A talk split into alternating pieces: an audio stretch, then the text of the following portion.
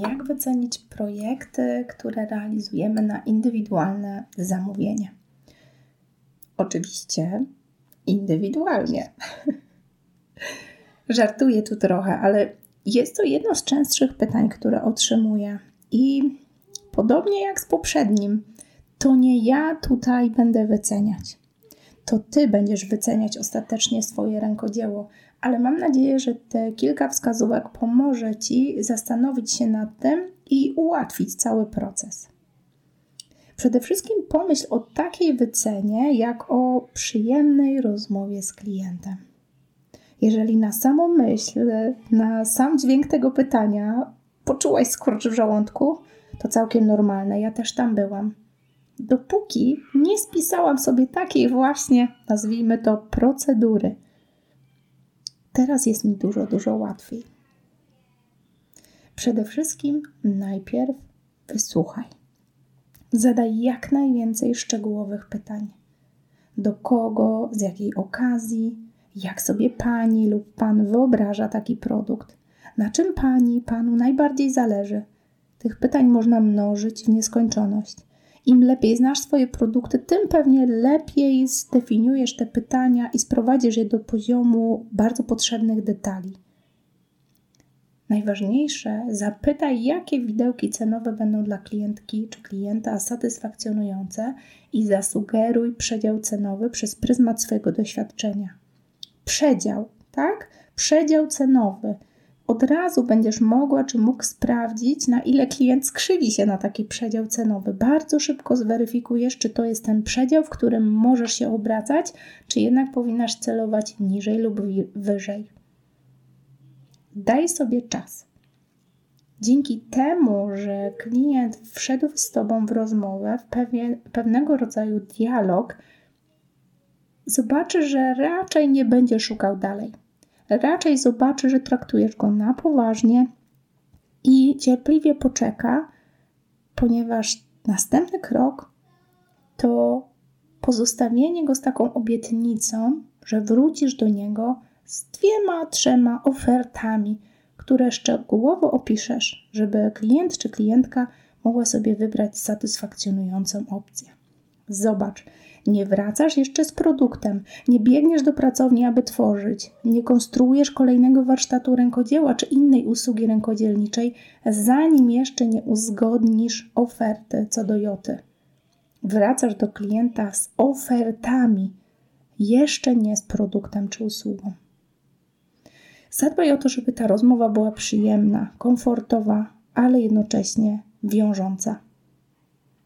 Jeżeli ustna, na przykład telefon, czy spotykacie się na żywo, no to podsumuj wszystko w formie maila, pisząc. Chciałam upewnić się, że dobrze się zrozumiałyśmy, więc podsumowałam przebieg naszych rozważań. Będę wdzięczna za potwierdzenie, czy o czymś nie zapomniałam.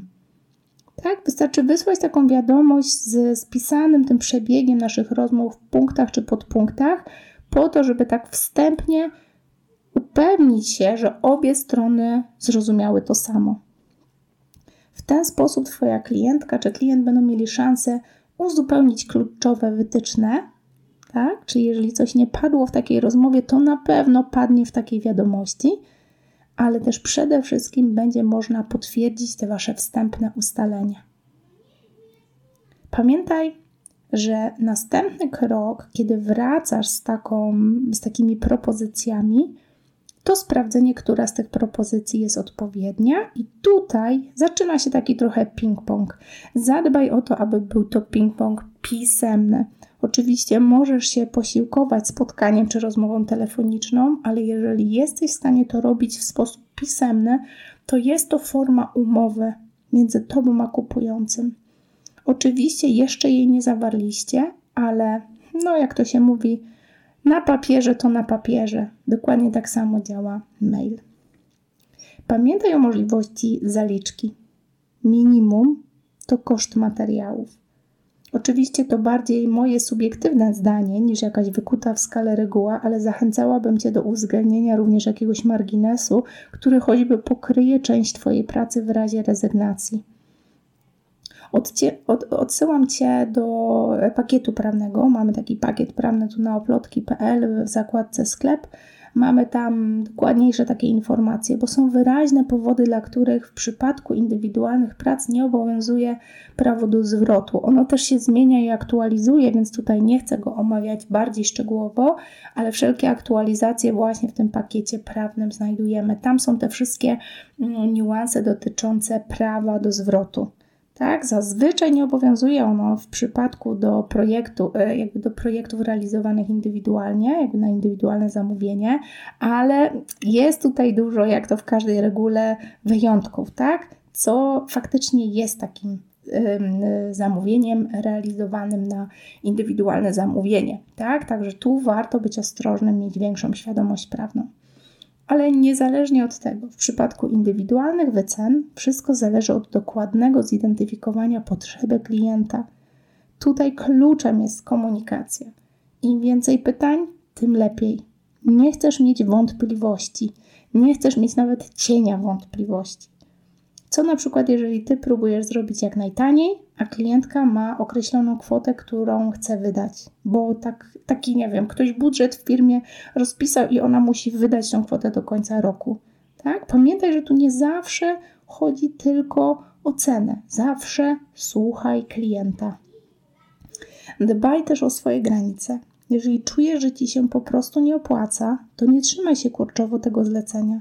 To twoja praca i masz prawo odmówić fraza typu bardzo mi przykro, ale w najbliższych miesiącach mam już komplet zamówień, może nawet zadziałać na twoją, twoją taką wizerunkową korzyść, tak? To nie znaczy, że klient ucieknie z krzykiem, może po prostu szybciej zaakceptuje wyższą cenę albo bardziej odległy termin. Takich podpowiedzi jest dużo, dużo więcej. Zachęcam Cię do tego, aby nie kierować się jednak tylko tymi, które podaję Ci tutaj na złotej tacy. Pamiętaj, że będziesz ich znajdować coraz więcej w miarę jak zyskujesz doświadczenie, w miarę jak współpracujesz z różnymi klientami.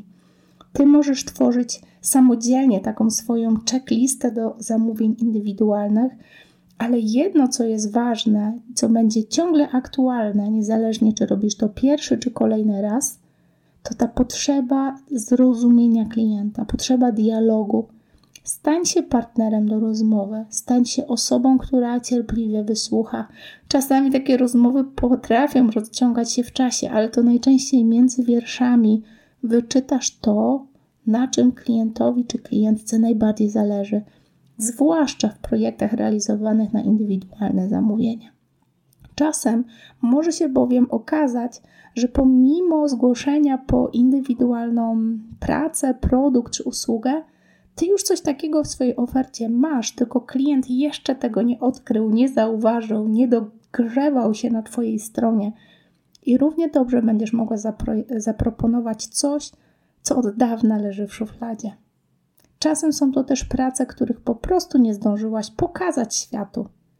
Zachęcam Cię więc do tego dialogu z klientem. Nawet jeżeli nie skończy się sukcesem, który jakby postrzegamy jako ten pierwsze, pierwsze skojarzenie z tym sukcesem, czyli zamówieniem, realizacją, świetnie wycenionym, dobrze opłaconym, tak, i tym zadowolonym klientem, taka rozmowa z klientem może przynieść Ci bardzo wiele refleksji dotyczących tego, co ceni Twój klient. I uwaga, to słowo klucz, co ceni Twój klient. Mówimy tu o wartości, która może być wyrażona w wyższej cenie wartości, która może sprawić, aby Twój produkt był jakby postrzegany jako bardziej wartościowy. I może tutaj chodzić o to, aby to po prostu zakomunikować. W takiej rozmowie możesz po prostu dowiedzieć się, że zapominasz informować Twojego klienta o czymś, co bardzo ceni. Dla Ciebie jest oczywiste, a po drugiej stronie niekoniecznie taka oczywistość zrozumienia jest. Dla przykładu, często jest tak, że e, my mam taką klątwę wiedzy, tak? Na przykład, nie wiem, znam koleżankę, która tworzy e, biżuterię i używa kryształków Swarowskiego, przynajmniej używała, bo to już kilka lat temu, kiedy ostatnio gdzieś tam korzystałam z jej prac. I dla niej to było tak zrozumiałe, że ona nawet nie komunikowała na stronie, że są to kryształki Swarowskiego. Dla niej to było coś na zasadzie, no ale jak można inaczej? Przecież to jest w ogóle marna jakość. No i nie komunikowała, z wielką stratą dla swoich klientów i dla siebie. Kiedy zwróciłam jej na to uwagę, zmieniła, poprawiła. Była to kwestia często tylko dodania logo, czy gdzieś tam dodania takiej informacji, wręcz chwalenia się tą informacją. Wróciła z wielkimi podziękowaniami. Nazwa Swarowski działała na klientów jak lew na muchy. Tak? No i też świadczyła o jakimś doświadczeniu, tak? czy o jakimś takim wyczuciu, czy też poziomie e, jej umiejętności. Tak? Także polecam, abyś ty też korzystała z tego, że moment wyceniania projektów realizowanych na indywidualne zamówienie może być nie tylko jakby sukcesem odbieranym w kategorii prawidłowej wyceny i dopięcia takiej transakcji, ale też drugą niesamowitą korzyścią może być Twoja umiejętność sprawdzania, co tak naprawdę ceni Twój potencjalny klient. A jak się domyślasz, to zapewne przełoży się na Twoją wycenę. Mam nadzieję, że ta krótka myśl zostanie z Tobą i pomoże Ci w procesie wyceniania i pomoże Ci pokochać wycenę.